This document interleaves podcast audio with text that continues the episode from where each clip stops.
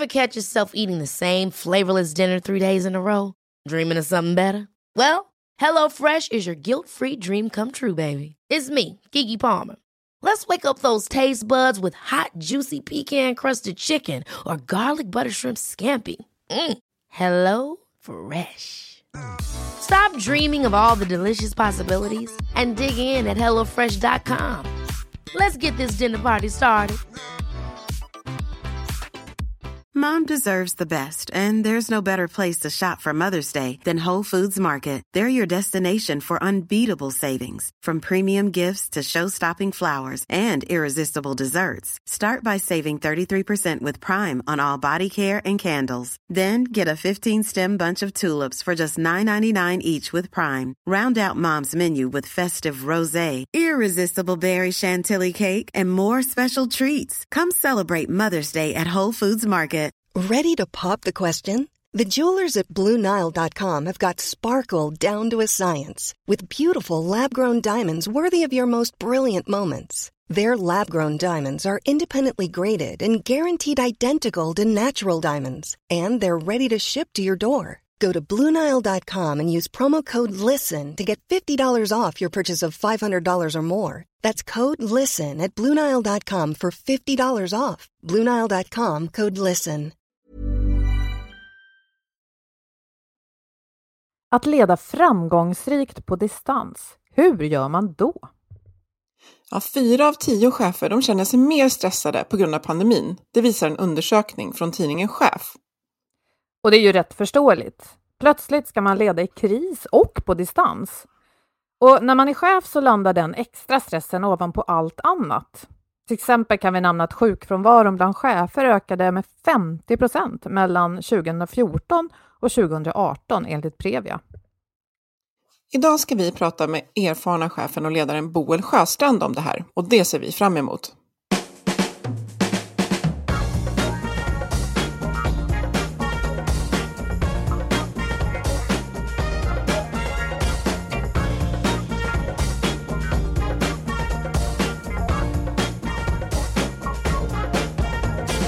Du lyssnar på Health for Wealth, en podd om hälsa på jobbet.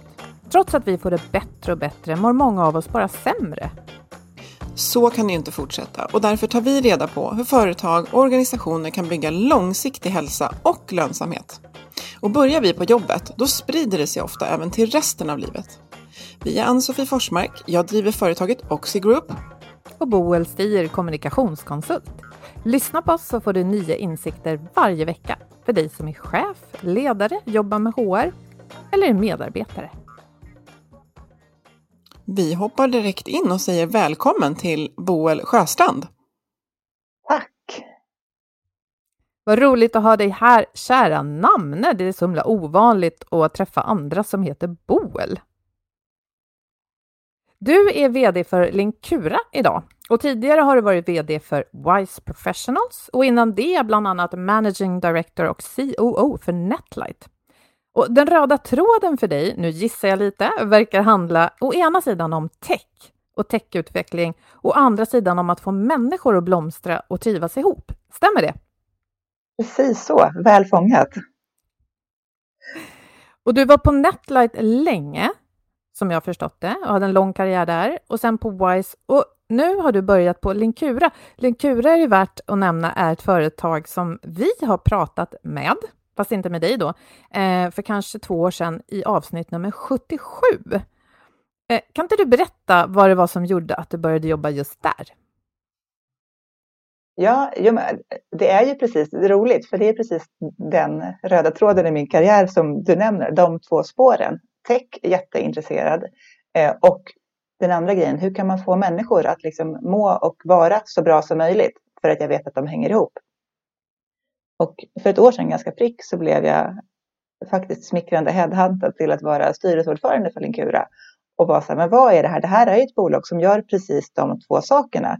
Äntligen finns det liksom någonting eh, techorienterat, forskningsbaserat eh, som, som uppnår precis det där, att låta människor må och bli så bra som möjligt. Och det tyckte jag var superspännande eftersom det annars är en bransch som jag tycker kan liksom präglas eller av att vara lite flummig eller det är svårt att prata om på ett sådär konkret sätt och det saknas konkreta verktyg. Så det var min, min ingång, att säga, wow, äntligen så hänger de här två sakerna ihop och jag får vara med. Och det är ju, eh, kan man kalla Linkura för ett startup eller? jag brukar tänka att vi är ett moget startup. Tekniken och forskningen är, har ju hållit på med i tio år. Eh, det är en avknoppning från Linköpings universitet. Och vi som jobbar på Linkura är också, vi är inte så startup-unga och fräsiga. Vi är liksom mer erfarna eh, chefer och ledare kanske. Men eh, i liksom en kommersiell setting, i hur vi, börjar, hur vi liksom nu börjar rulla ut vår produkt mer och mer, så är vi verkligen som en startup. Liksom, I tillväxtresan vi har framför oss känns verkligen som en startup-resa. Vi mäter hjärtfrekvensvariabilitet om man vill liksom börja i den här ultrafysiologiska delen av vad vi mäter. Men egentligen mer praktiskt så mäter vi mental kondition. Och sättet att göra det, den bästa biomarkören för det vi har, är det som heter hjärtfrekvensvariabilitet, som i sin tur då mäts bäst med hjälp av ett EKG, alltså ett konstant EKG. Men det låter så krångligt, så det vi gör är att mäta mental kondition, som egentligen är ett mått på hur snabbt kan du komma upp i varv när du vill och prestera, vilket vi vill ofta. Det är ju kul, liksom. både träna eller ha en urladdning på jobbet i någon form. Men också hur snabbt kan du efter en sån prestation komma ner i varv igen så att du får tillgång till hela din hjärnkapacitet egentligen och kan vara empatisk, kreativ, eh, tänka komplexa tankar och så vidare. Så den elasticiteten egentligen mellan eh, att snabbt kunna komma upp i varv och snabbt kunna komma ner i varv det kallar vi för mental kondition och det kan man mäta och träna. Och där kommer vi egentligen in, tycker jag, bra på, på dagens ämne. För just den där förmågan är, är ju ganska utmanad eh, just nu. Eh, och i, de, i, dessa tider som vi, vi har pratat om, inte till leda, för vi behöver fortfarande prata om den här situationen som vi är i nu. Och eh, ämnet för idag är just det här med att leda på distans och de utmaningarna som, som, som det kommer med. Också möjligheter ska vi inte mm. glömma, men vi ska fokusera lite på, på utmaningarna. Och eh, jag tänker, du har sån enorm liksom, erfarenhet och, och lyhördhet för det här med ledarskap. Så att, vad, vad tror du att många medarbetare saknar nu när de blir just ledda på distans? Ja, jag tror, jag tror att det där ordet, att man blir ledd på distans, det, liksom, det sätter fingret på vad det är. Eh, alltså det som man saknar, för man saknar distansen. Eh, gör, man, distansen gör ett, det är ett avstånd till någonting som man är van vid att få, som man nu saknar. Och det tror jag är, eh, det, alltså, man trivs inte i distansen som uppstår dels mellan människor, man upplever en distans mellan sig själv och andra. Och det andra är en distans till det är sånt som upplevs meningsfullt. Alltså jag menar att det är existentiellt. Man saknar distans till människor och distans till någonting som är meningsfullt med arbetet. För vi, de flesta tycker ju om att ha ett arbete. Man tycker om att göra ett arbete och känna sig bra på jobbet. Det är liksom en viktig del av vem jag är som människa. Och om jag då får en distans till det och inte riktigt är med i det på samma sätt som jag är van vid eh, så skapar det, det är nog det man saknar. Sen ovanpå det eh, så saknar man en massa praktiska saker och det är olika för olika personer. En del saknar ju egentiden, att så här, bara få åka från jobbet eh, till, hem och ha en liten stund att liksom varva upp och varva ner däremellan. Andra saknar sin kontorsstol och någon annan tycker att det är jätteskönt att det blir lättare att hämta och lämna på dagis till exempel. Så det finns ju också så praktiska saker som man kan sakna eller uppskatta. Men de stora grejerna tror jag är faktiskt existentiella. Ja, för det låter som att vi, vi, vi, tänker ju till kanske då kring, om vi då jobbar hemma, att vi löser de praktiska så att jag kan utföra mina arbetsuppgifter praktiskt hemifrån med viss modifikation och justeringar. Men det är så mycket mer som, som vårt arbetsliv handlar om. Eh, och jag tycker det är så intressant att du kommer in på det här just med existentiellt, för det, det är så stor del av vår, om man tänker vår vakna tid, så generellt ungefär åtta timmar. Det är klart att det eh, att det, det, finns en existentiell komponent. Vad är det jag vaknar upp på morgonen och går och gör? Och så gör jag inte det på samma sätt och träff, vi träffas inte på, på samma sätt. Så att just det där att ja, jag gör kanske, jag får det gjort som jag ska göra, men det känns inte på samma sätt. Och eh, om man då vänder på det, eller ja, det är egentligen inte motpolen heller, men det, vi, vad tror vi, eller vad tror du att, att, att vad är det cheferna saknar i det här när de inte kan leda som man gjorde innan? Mm. Jag tänker så här, chefer är ju också människor, hör och häpna. Så jag tänker att de saknar precis samma sak, verkligen. Och kanske ännu mer. Eh, jag föreställer mig att chefer i ännu högre grad får energi av det här mellanmänskliga. Att det är en anledning till att man har sökt sig till en chefsroll. Eh, och då har det tagits bort. Så det upplever jag att man som chef saknar jättemycket. Jag, jag upplever också att man som chef saknar det jag skulle vilja kalla för koll.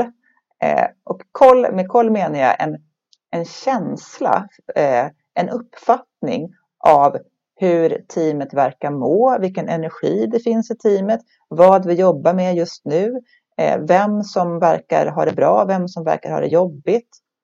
Den sortens koll som är nästan som ett, det låter så flummigt, men nästan som en energi. Det är nästan någonting man kan ta på när man är i ett rum med andra. Eh, ser man inte nu. Och det händer ju, en, man ser bara enda fönstret in till det är ju egentligen videomöten när man ser lite hackiga snuttar av en person sittandes i något rum där man inte brukar ses. Så att den där känslan av koll saknar man jättemycket och det upplever jag att man försöker lösa på olika sätt. Kanske genom att öka kontroll istället eh, och det tror jag varken att chefer eller medarbetare trivs med. Men man har liksom inte riktigt hittat ett... Hur, hur ersätter man koll? Hur kan man skapa koll när man inte kan använda de vanliga verktygen, alltså mina sinnen? Ja, men det där har vi pratat om eh, en del också här i podden, det här att videomöten är ju en ganska märklig sak. Vi ser ofta oss själva, vilket gör en eh, märkligt självmedveten. Vi kan aldrig möta varandras blick. Det känns så ibland, men vi gör det inte på riktigt. Vi ser halva kroppar och sådär. jag har en fundering där. Jag tänker att om man är chef i ett team där man är liksom en del av teamet och jobbar eh, praktiskt tillsammans om dagarna, då måste det vara mycket lättare nu. Eh, att, man på en, en, natur, alltså att man är en naturlig del av dem man leder, menar jag. Men jag tänker att ju mer man är någon som liksom aktivt måste söka upp medarbetarna för att få en del av deras vardag, då måste ju det vara väldigt mycket svårare just nu.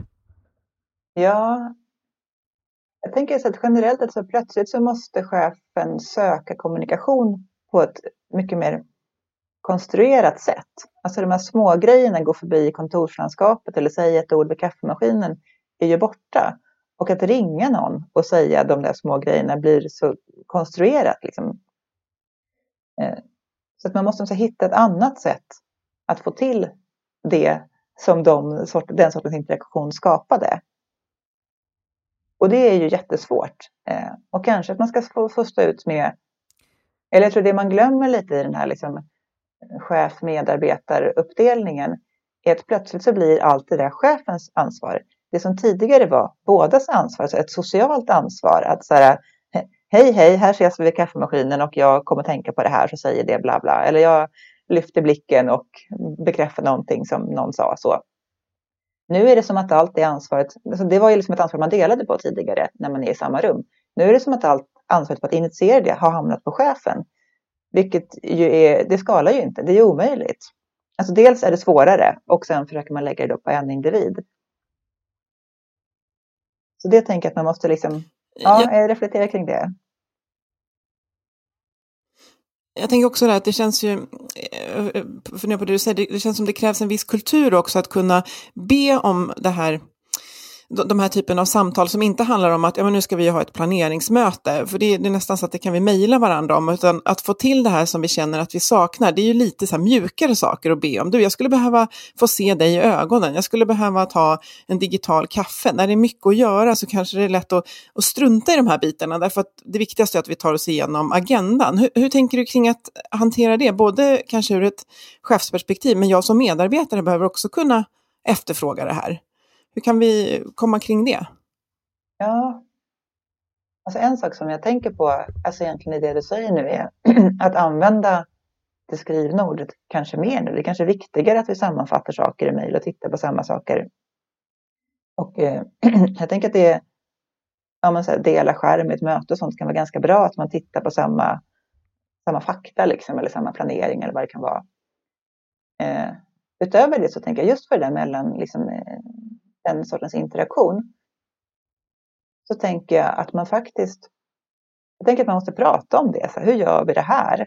Och hur kan vi se till att, att vi båda ansvarar för att det händer? Eh, och sen så vill jag slå ett slag för telefonsamtal. Jag upplever att telefonsamtal liksom har lite dött ut. Att nu ska all interaktion plötsligt ske över videomöten. Vilket så, blir lite för stort och lite för krångligt. Det här som om man tänker hur man umgås annars med sina vänner. Då har man ju inte, jag tänker jag har vänner som jag träffar alldeles för sällan. Eh, det tänker jag att vi alla har, men som man ibland hörs med på telefon. Så där är vi ganska bra på att umgås över telefon, men vi är inte alls lika bra på att socialumgås över videomöten. Så jag tänker att vi kanske inte faktiskt behöver se varandra eftersom det inte ens är vi ser inte varandra på riktigt, vi bara tror att vi ser varandra på riktigt, men det är någon slags film som är nästan i synk. Liksom. Så att jag tänker just de här telefonsamtalen när man kanske samtidigt går och sätter på kaffebryggaren, går och plockar några vissna blad från någon blomma. Alltså det där som man brukar göra när man pratar i telefon. Den sortens social kompetens tror jag man kan applicera även i sina yrkessamtal. Och faktiskt träna upp eh, så att det blir lätt att ringa varandra oftare än vad man är van vid. Då. Jag tänker på en annan grej i det där, man är så upptagen med att det ska vara mellan chef och medarbetare hela tiden. Eh, men det skalar ju inte, alltså eftersom den här sortens social interaktion tar mycket mer tid när man inte kan göra den i, i rummet. Så skulle det betyda att så här, en god chef skulle hela tiden behöva ringa sina medarbetare och småprata lite och chatta och så vidare. Det går ju inte. Så chefen har ju också ett arbete, liksom ett eget arbete, både med administration och strategi och så vidare. Så det, blir också, det gör också medarbetaren onödigt passiv. För medarbetaren får ju normalt det där även från sina kollegor. Så att jag vill slå ett slag för självledarskapet, liksom det mellan medarbetare, eh, självledarskapet mellan medarbetare. Utifrån jag som, jag som kollega, vad behöver jag av mina kollegor? Ja, men jag behöver ringa och prata lite med den här kollegan som jag brukar hänga med. Eller jag har en fråga till den här kollegan. Så att man som medarbetare faktiskt behöver ta, man behöver ta det sociala ansvaret. Nej, men det kan verkligen vara någonting att prata om, för eh, det är väl också så att nu när vi behöver göra saker på lite annorlunda sätt, det var ju som du var inne på, Boel, många av oss har vant oss vid de här videomötena. Jaha, då är det ett nytt format. Vi delar skärm när vi behöver titta på underlag tillsammans. Men korridorsnacket, det är borta. Och då kanske det är möjligen då chefens ansvar, eller det skulle kunna vara en bra idé, tänker jag, för en chef, att ta upp ett samtal om det. Hur vill vi ersätta korridorsnacket? För vi vet ju att det är ju inte bara viktigt för ja, hur vi mår. Det är också väldigt många gånger den här informella kanalen när vi hittar bra idéer och kommer på saker som liksom tar jobbet framåt också. Vad tror du om det, Boel? Att liksom försöka strukturera det där på något sätt med ett samtal? Alltså, jag tycker det är så, så, verkligen. Man behöver på något sätt prata om det. Samtidigt som det är så svårt. För jag tänker det som kommer fram i de där samtalen är ju, ja men då skulle vi kunna ha en gemensam AV och sen så finns det så olika, det finns ju både jättebra exempel på liksom team som lyckas ha jätteroliga AV digitalt och andra som inte, som bara sitter liksom plågsamt, går igenom vad man ska göra i helgen och undrar när man får stänga ner liksom. Eh, och någon stackars chef som sitter där och försöker ta hela sociala ansvaret och berätta någonting härligt i helgen och sånt där. Men så att säga, jo, men jag, det är bra, man behöver prata om det för att lyfta frågan. Eh, men jag tror, och jag tror att så här, lösningen i det är att lägga mer ansvar på saker som ska hända i samarbete mellan medarbetare. Alltså skapa små grupper. Så här, kan ni två titta på det här tillsammans? Skulle ni tre kunna ta fram ett förslag till det här? För ur det så får man både liksom den där, jag tänker man löser de här existentiella knutarna, både det att plötsligt ha ett mitt arbete blir mer meningsfullt för jag har ett uppgift, jag har någonting som jag leder. Eh, det jag gör är liksom mer än att bara passivt beta av uppgifter. Jag leder det här tillsammans med andra. Och då tvingas jag tillsammans med de här andra som jag ska jobba med, då får vi hitta, så hur gör vi det här bäst? Vill vi höras på telefon eller vill vi ta en videoavstämning och vilken tid passar det oss? Ja, men alla vi lämnar barn på dagis eller alla vi börjar jobba klockan sju. Ja, men bra, då kan vi ta det då liksom. Eller vi bor ändå nära varandra så vi kan ta en promenad. Så jag tror på jag tror verkligen på att inte chefen ska försöka lösa knuten för alla utan snarare hjälpa medarbetare att själva ta ansvar och skapa individuella lösningar. som passar för just dem. För det är så olika. Jag tycker man hör det alla man pratar med, hur, eh, hur, man, uppfattar, hur man upplever det här med karantän. En del tycker att det är high life, så äntligen får jag vara i fred och jobba. Shit vad skönt. Eh, det är bara den där plågsamma digitala AWn man måste sitta av en gång i veckan. Liksom. Eh, medan andra mm. tycker att det är gräsligt. Och det kan man kanske... Jag tänker en god sak av det här är ju faktiskt att vi får syn på hur olika vi är. Och jag tänker att eh, vi, och då tänker jag säga för att jag tänker om mig själv, eh, som får energi av andra människor tycker om att träffas. Eh, vi som skriker högst och hörs mest. Plötsligt är det vi som inte har det så bra längre. Så nu är det ett problem det här med att, vi, att det är individuellt. Tidigare så var det de som inte skrek så högt som tyckte att det var jobbigt att vi satt i kontorslandskap och så vidare. Så jag tänker att det är rätt bra för oss att vi får syn på hur olika vi är. Jag hoppas att det är en erfarenhet vi kan ta med oss när, när vi når någon slags ny normal eller vad man vill kalla det. Den där är jätteintressant tycker jag. Eh, jag skulle för övrigt älska om man hade en sån kultur där det var okej att säga så här, ursäkta, vi måste lösa upp en existentiell knut tillsammans idag. Det hade varit underbart. Gå så djupt liksom via Zoom eller Teams eller vad man gör. Men det där är så intressant. Jag gör en reflektion nu att jag jag upplever någonstans att efter sommaren så var vi, var ganska stoiska, vi kom tillbaka, men nu, nu, nu har vi, vi vant oss vid det här, men nu kör vi på och det blir ju bättre. Och när vi spelar in nu så är restriktionerna eh, ganska hårda på det här ganska svenska ta ansvar själva sättet. Eh, vi ser också att smittspridningen, eh, framförallt i de här storstadsregionerna, verkligen har skenat. Och jag upplever att ganska många är Eh, det blir så tydligt nu inför jul då vi, då vi oftast har någon typ av träff där vi träffas och vi ska ha trevligt och roligt tillsammans och den kommer ju inte att bli av för väldigt många. Så just nu eh, känner jag att det här du pratade om nu, det är extra viktigt att eh, fånga och räcka upp handen för och säga så här, jag tycker att det här är jättetråkigt. Jag är hemma och jag trivs inte, jag vill träffas och hur kan vi lösa det? Och nej, det kommer inte bli eh, lika bra som det skulle kunna bli, men vad kan vi, eh, vad kan vi göra? Så att det blir så tydligt i alla delar av året som vi går igenom hur vi möter det här. Jätteintressant. Jag, om jag får summera lite bara vad du har sagt hittills, eh, Bo, eller vad vi har pratat om, att eh, ett större ansvar behöver nog ligga på var och en, dels för att vi är i en ny situation, så att alla behöver tänka till kring vad de behöver, men också för att chefen är, kan liksom omöjligt vara väldigt nära alla medarbetare. Och, och då tänker jag också att chefens roll, eller ty tycker jag i alla fall, ni får säga emot om ni vill, eh, är ju ändå att puffa på detaljerna i det där, att inte bara säga Hörni, hur ni, hur ni jobbar nu i det nya, eh, ta hand om det själva, utan jag tänker att man kanske kan vara tydlig med att prata igenom hur ni gillar att jobba, eh, prata igenom eh, var ni vill befinna er när ni jobbar, prata igenom om det kan behövas en träff och ni som kanske bor geografiskt nära kan kan ni ha någon slags träff en gång i veckan? Att man, vad säger du om det? Att man liksom blir tydlig i detaljerna där och väcker lite tankar om hur det, hur det ska gå till också. Ja, men verkligen. Jag tänker att så här, den moderna chefen som klyscha, men, men ändå, eh, ju leder genom att skapa självledarskap.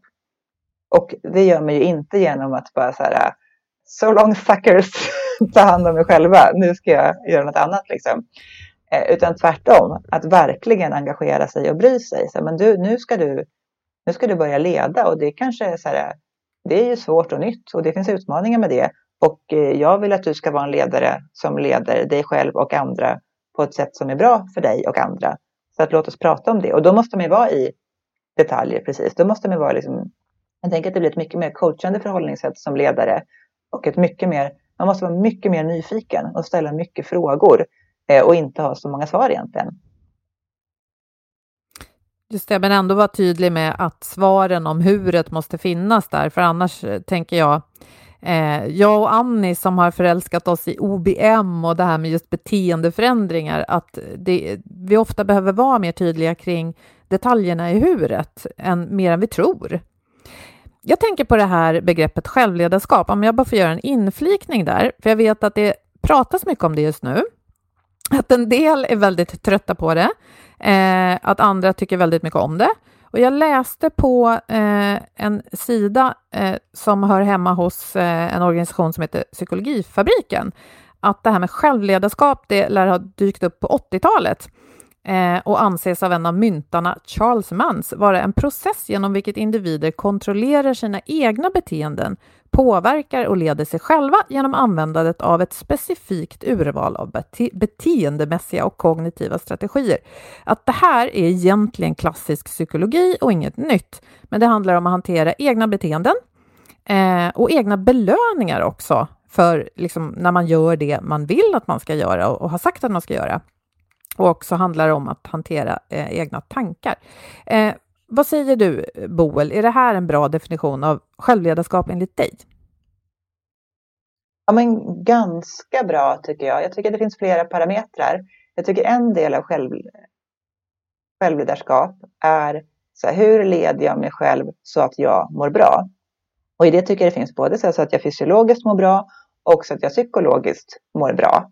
Eh, det tycker jag är en del. En annan del, angränsande då, är egentligen så här, hur leder jag mig själv genom, i, mitt, i mitt arbete? Så hur skapar jag rutiner som blir effektiva för mig och den sortens arbete jag utför? Eh, de här sakerna tycker jag att man har pratat om ganska mycket. Det tycker jag är psykologi och det, olika, liksom, det kan ofta handla om, om hur man navigerar i stress och så vidare. Men det som, eh, som jag tycker ofta saknas i det här är ju hur många organisationer idag kräver självledarskap för att det är så komplext. Vi har ju inte så arbetsbeskrivningar längre där det står du ska göra exakt det här. Och det tycker jag i grunden är någonting ganska positivt för det gör att vi kan utvecklas mycket snabbare och vi kan erkänna att det arbete vi gör är komplext. Och där tänker jag att så här, självledarskap är liksom inne och snuddar på självorganisation på något sätt. Alltså, så här, vad blir självledarskap i en större skala? Många individer med självledarskap, vad, vad blir det? Och då tycker jag självledarskap handlar om att hela tiden utforska gränserna. Så här, vad är det jag förväntas göra? Och stämma av. Så här, är, det här, är det här rätt? Är det här enligt förväntan? Eh, och kanske inte då stämma av med, eh, med chefen utan kanske stämma av med dem som det är relevant att stämma av med. Det kan vara en kund, det kan vara kollegor, det kan vara medarbetare eh, eller användare. Så den delen av självledarskap tycker jag ibland saknas. Men jag vill tillbaka till det som jag tycker är egentligen plattformen eller grundplattan för självledarskap. Och det är ju att faktiskt se till att man mår bra. Jag tycker det är så fundamentalt. För om man inte, om man inte mår bra, om man är under press eller stress eller känner sig hotad på något sätt. Eh, det behöver inte vara stress som är att jag har mycket att göra. Det kan vara stress som är att jag känner mig otillräcklig eller jag vet inte, jag har inte förstått min uppgift. Eh, om man inte mår bra i det, då har man liksom inte förmåga att göra de andra sakerna. Man kan inte ta hand om sig själv emotionellt eh, för att man är i försvar. Man kan inte lyssna på feedback på andra för att ja, men de delarna av hjärnan stängs ju ner när man är i försvar eller i stress. Och man kan definitivt inte leda sig själv på ett klokt sätt i sina arbetsuppgifter. Så det tycker jag är liksom fundamentan ändå, att man behöver ett sätt att verkligen vara skicklig på att må, må bra om, om man vill uppnå det, då kan man ju verkligen fundera på så här, men vad är ledarens roll i det här? Då? Eller chefen eller vad man använder för Och vad är HRs roll i det här? Hur kan man skapa det här om vi tycker att ja, men det verkar ändå vara jag tänker om, om målbilden eh, när det här funkar är ändå att det är individer som mår bra, eh, som, alltså både liksom, som, som mår bra med sig själva, trivs på jobbet, upplever eh, en meningsfullhet. Och man får mycket saker gjort. Man är liksom duktig på att här, bemöta kunden där man är och eh, innovation och verksamhetsutveckling och så vidare går bra. Då tänker jag så här, ledarens roll i det här är ju eh, att skapa självledare. Alltså jättemycket coachning, jättemycket liksom beteende, eh, hjälpa till med beteenden, facilitera eh, mellanmänskliga interaktioner så att de hela tiden blir bättre och bättre. Och HRs roll blir, jag tänker att det chefen har förmånen att göra är att vara lite närmre sitt team än vad HR ofta är. Så att chefen kan vara mer coachande medan HR kan jobba på strukturella saker i det här. Så vilka verktyg kan vi ge alla medarbetare och chefer för att må så bra som möjligt till exempel? Eller vilka strukturer kan vara viktiga för det här? Eh, jag tänker att HR ibland hamnar i positioner där HR gör massa saker. Eh, typ man kanske gör någon enkät, så hur mår alla under karantänen? Så får man fram ett svar på det. Men då har man inte alls hjälpt chefen, för chefen har bara fått någon slags önskelista i knät som är helt omöjlig att hantera. Det kanske hade varit bättre att fånga in det här på ett annat sätt. HR kanske skulle facilitera ett samtal mellan chef och medarbetare så hade liksom värdet uppstått direkt i samtalet istället för att sen egentligen bara landa i knät på chefen. Det du beskriver är väl egentligen, tycker jag, då, hur alla bolag borde jobba gentemot sina kunder. Att inte bara tro att de vet vad kunderna behöver och köra på, utan att ställa frågan och ställa frågan till olika slags kunder och därefter göra de förbättringar till exempel som man behöver göra i sin produkt eller sina tjänster. Det är lite det förhållningssättet du pratar om. Ja, men precis. Och jag tänker att egentligen så här, när man delar upp hur man tänker på kunder, hur man tänker på medarbetare och kollegor, kanske att man ska tänka att, nu är jag på väg att säga något jätteflummigt här, hör jag, men, men att alla är människor faktiskt. Och att vi är ju inget annat bara för att vi råkar ha en viss, liksom, att vår relation har en viss sorts titel. Utan framgången är alla liksom, mellanmänskliga interaktioner, oavsett om det heter medarbetare, chef eller kund och köpare, är ju att bejaka det och lyssna in på det. Ja, men absolut. Eh, jag tänker bara att en, en stor organisation kan ju ha väldigt många olika eh, typgrupper i alla fall att förhålla sig till. Där det, det, kan finnas interna kunder som också är medarbetare och så finns det många sorters kunder. Eh, och någonstans, jag menar, vi kommer tillbaka till det du säger, det mellanmänskliga. För att kunna ha det bra ihop så måste vi prata med varandra och även om inte alla chefer till exempel kan prata med alla medarbetare hela tiden, då måste det finnas grupper av kollegor där man för samtal hela tiden i vardagen. Så någonstans kanske det här handlar om att organisera oss på ett delvis nytt sätt för att de där eh, de små samtalen, vi är tillbaka till korridorsnacket, att det överhuvudtaget kan äga rum. Eller vad tror du? Ja, verkligen. Verkligen att man behöver hitta ett nytt sätt för det. Jag tänker också när jag hör, när du sammanfattar det så bra, så tänker jag också på den tredje parametern i det, är ju också att vi behöver prata med oss själva. Alltså vi behöver bli, för det är inte bara våra, vårt samarbete som har fått en ny utmaning, det är också vårt eget arbete. Alltså här, hur mår jag själv och vad behöver jag? Och att vi faktiskt behöver träna oss på att bli duktigare på att lyssna på det. Vi har gjort en sån så intressant passus, men vi gjorde en mätning på Linkura i hur, hur bra man är på att veta hur man egentligen mår. Eh, också ganska skrämmande resultat. Då gjorde vi, tittade på 700 individer och sen så jämför, vi lät dem skatta sig själva anonymt, sitt mående liksom, i en enkät.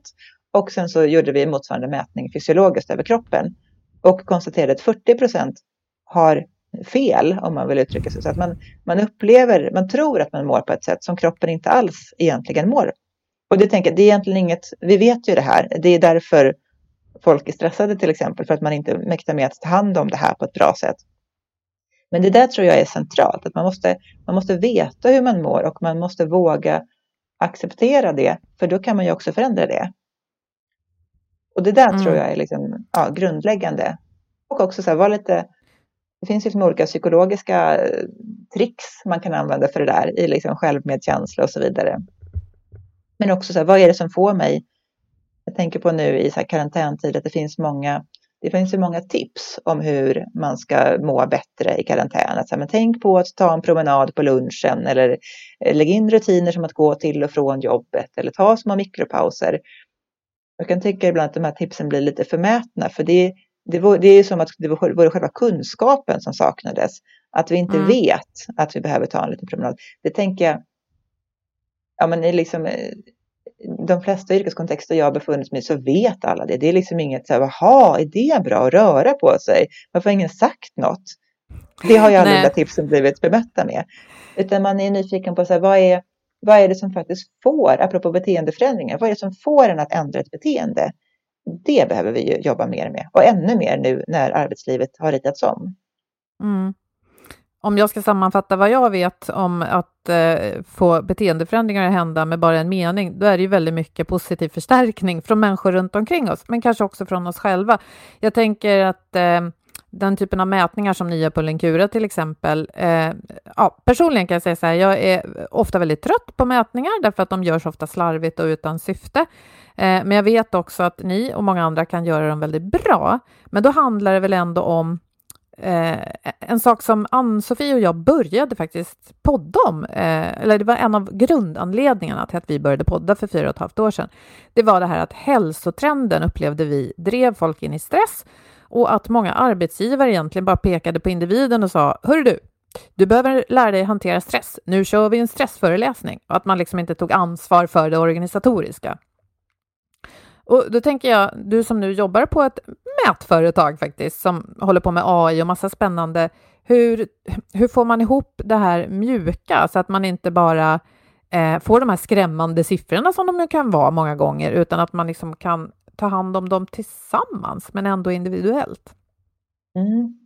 Ja, eh, individuellt är ju nyckeln där eftersom vi alla är olika. Och jag tänker så här, jag hatar att mäta. Eh, och det är roligt att jag jobbar på det här företaget där det också finns eh, Anders Jernvik som var med i podd för 77 där, på vars forskning det här bygger då, eh, hatar också att mäta, men är docent i mätfysiologi. Så det är lite roligt. Men jag tänker att det är viktigt, för jag håller med. Eh, jag tycker mätningar är helt... Mätning i sig har inget syfte. Däremot att samla in data för att använda det som mikrofeedback, eh, att man använder det i träning, superbra. För då kan vi få en direktåterkoppling. Ja, men när jag gjorde det här, då blev det så här. Ja, det sporrar mig att göra det igen. Men att så här, ligga och mäta saker över lång tid bara för att hålla koll på en siffra. Eh, typiskt stressande och dåligt liksom. Eh, så att jag tänker att man ska inte, man ska tänka att man, att man, mät, att man tränar och att man kan behöva, eh, när man tränar saker där man inte ser en tydlig förändring. Typ om man, till exempel om man är ute och springer, då känner man ju att man springer. Eh, och man får en ganska tydlig återkoppling på det. Men när man tränar saker som eh, är så små som liksom fysiologiska skillnader i stress eller belastningshantering till exempel så kan man behöva en tydligare återkoppling. Och då kan det vara bra att mäta för att se den så att man vet att man gör rätt och så att man blir peppad att fortsätta. Mm. Och det här jackar in precis, jag tänker det, den sortens liksom redskap måste man ju, eh, ja, som, så, om, om, om man vill åstadkomma det här i en organisation, då måste man ju förstå att alla är olika. Så alla måste hitta sitt sätt och sin lilla mikroförändring. Att en stegräknartävling kommer inte lösa biffen liksom, utan det kommer bara de som redan tränar vara med i och de är bara med för, för att vara snälla, för de har redan en träningsrutin. Utan man måste hitta någonting som funkar för var och en. Och då kan ju också mätning faktiskt vara intressant för att man kan hitta så här, vad funkar för mig.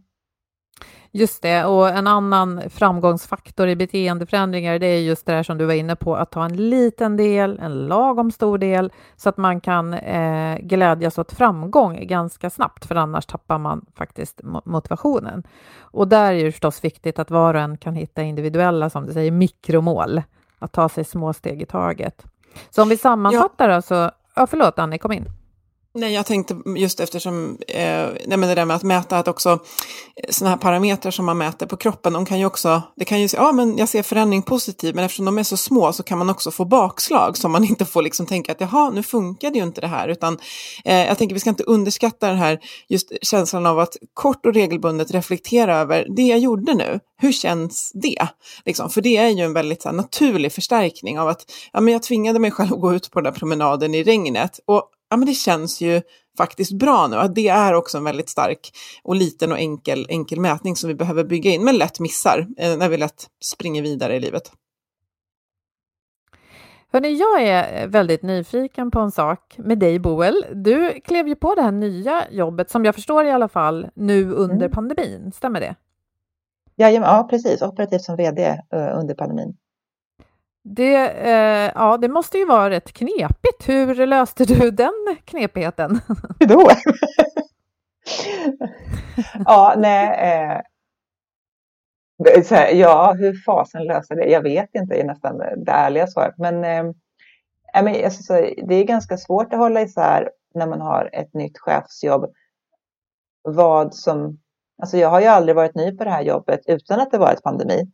Så jag har inte så mycket att jämföra med hur det hade varit då. Eh, men, men en... Ja, nej, men jag tänker att det faktiskt har varit mycket svårare såklart. Eh, det som hade varit naturligt för mig hade varit att träffas jättemycket mer. Det är ju mitt verktyg. Liksom. Jag är bra på att möta människor eh, och nu kan jag inte göra det på det sättet jag brukar. Så det tycker jag har varit jättesvårt.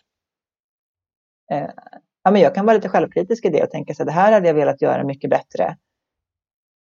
Men det får man väl bara hacka i sig och tänka så här, vad bra att det finns saker att lära sig. Men verkligen, jag tänker att det är en utmaning för alla som är nya på jobbet under pandemin, att det inte bara gäller chefer. Men kanske i och för sig då lite extra chefer eftersom det läggs mycket ansvar på chefer nu. Alltså det är chefer som förväntas lösa eh, all den här existentiella ångesten. Liksom. Ja, det är hårda bud att vara chef. Jag tänker om vi ska börja eh, sammanfatta och runda av lite grann. Eh, vi sa här att vi skulle prata om att leda på distans och det har vi gjort.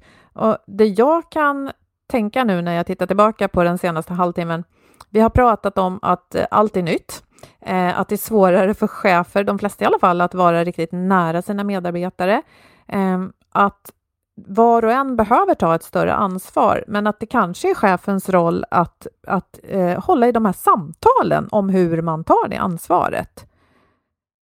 Ja, och också det här med att som sagt vi ser till att få arbetsuppgifterna gjorda på ett nytt sätt där hemma på något sätt. Men att de andra bitarna eh, som inte är lika konkreta att hålla i, som är det som gör att vi är en arbetsplats där vi trivs med varandra, de behöver vi tänka till och, och föra en dialog kring. Och, eh, och respektera just det här att alla personlighetstyper hanterar den här typen av förändring på olika sätt. Det var ju du inne så bra på, Boel. Boel Hur skulle du... Nej, ja, båda Boel S. Ja, båda Boel S. Ja. Så kära gäst Boel Sjöstrand, hur skulle du vilja sammanfatta nu när vi avslutar? Vad är det viktigaste när man ska leda på distans? Ja, men jag tycker att det viktigaste är att faktiskt är acceptera eh, hur svårt det är och eh, att jag tror på skalbarheten. Att så här, om om vi ska lösa de här två existentiella knutarna vi står inför så måste, då måste man skala ut ledarskapet så att det kan ligga hos fler individer och därmed liksom bli anpassat efter de här individerna. Och för att åstadkomma det så måste vi hjälpa varandra jättemycket och vi måste hjälpa oss själva. Så att som chef eh, eller ledare så måste man hjälpa varje medarbetare att men, ja, men genom liksom coachning och eh, liksom eh, tips kanske från sin egen erfarenhet eh, hjälpa till att skapa de här samtalen med kollegor eh, och att också meningsfullheten i arbetet vill jag slå ett slag för genom att faktiskt delegera det ansvaret, men på ett sätt så att det är rimligt att ta såklart. Och det kan man hjälpa till att liksom leda så att det kan ske. Mm. Ja, vad jätteroligt att ha dig här, eh, kära gäst Boel. Tack, det här, Boel. Tack. Det här tänker jag är ett ämne som vi nog kommer få diskutera en del den kommande tiden, för dels lär vi vara kvar i pandemiläge en bra stund framåt och sen tror jag att när vi kliver ur den verkligheten så kommer ingenting att vara riktigt som förut. Och det är ju egentligen ganska kul och spännande, kan jag tycka. Ja, utmaningar, de har vi hela tiden. Eh, vi har en samarbeter, samarbeter. Vi har en samarbetspartner som heter motivation.se, Sveriges ledarskapssajt. Eh, och där finns en massa bra artiklar om motivation och ledarskap, som ni hör på namnet.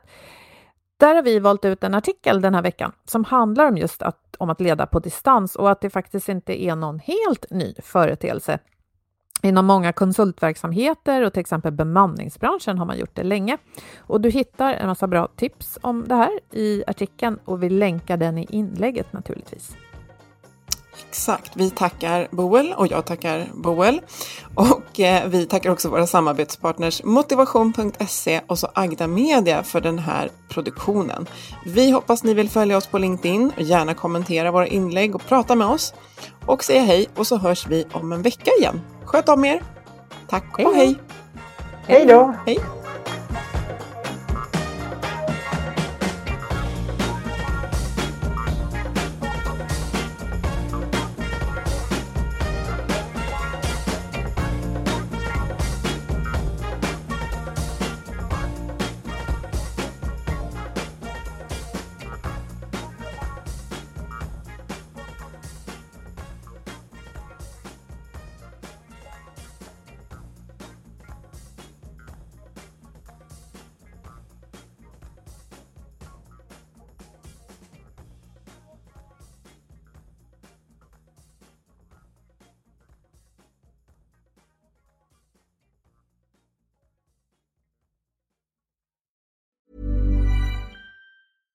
Catch yourself eating the same flavorless dinner three days in a row? Dreaming of something better? Well, HelloFresh is your guilt-free dream come true, baby. It's me, Gigi Palmer. Let's wake up those taste buds with hot, juicy pecan-crusted chicken or garlic butter shrimp scampi. Mm. Hello Fresh. Stop dreaming of all the delicious possibilities and dig in at HelloFresh.com. Let's get this dinner party started. Imagine the softest sheets you've ever felt. Now imagine them getting even softer over time. That's what you'll feel with Bowl and Branch's organic cotton sheets. In a recent customer survey, 96% replied that Bowl and Branch sheets get softer with every wash. Start getting your best night's sleep in these sheets that get softer and softer for years to come. Try their sheets with a 30-night guarantee. Plus, get 15% off your first order at bowlandbranch.com. Code BUTTERY. Exclusions apply. See site for details. Mom deserves the best, and there's no better place to shop for Mother's Day than Whole Foods Market. They're your destination for unbeatable savings, from premium gifts to show-stopping flowers and irresistible desserts. Start by saving 33% with Prime on all body care and candles. Then get a 15-stem bunch of tulips for just $9.99 each with Prime. Round out Mom's menu with festive rosé, irresistible berry chantilly cake, and more special treats. Come celebrate Mother's Day at Whole Foods Market.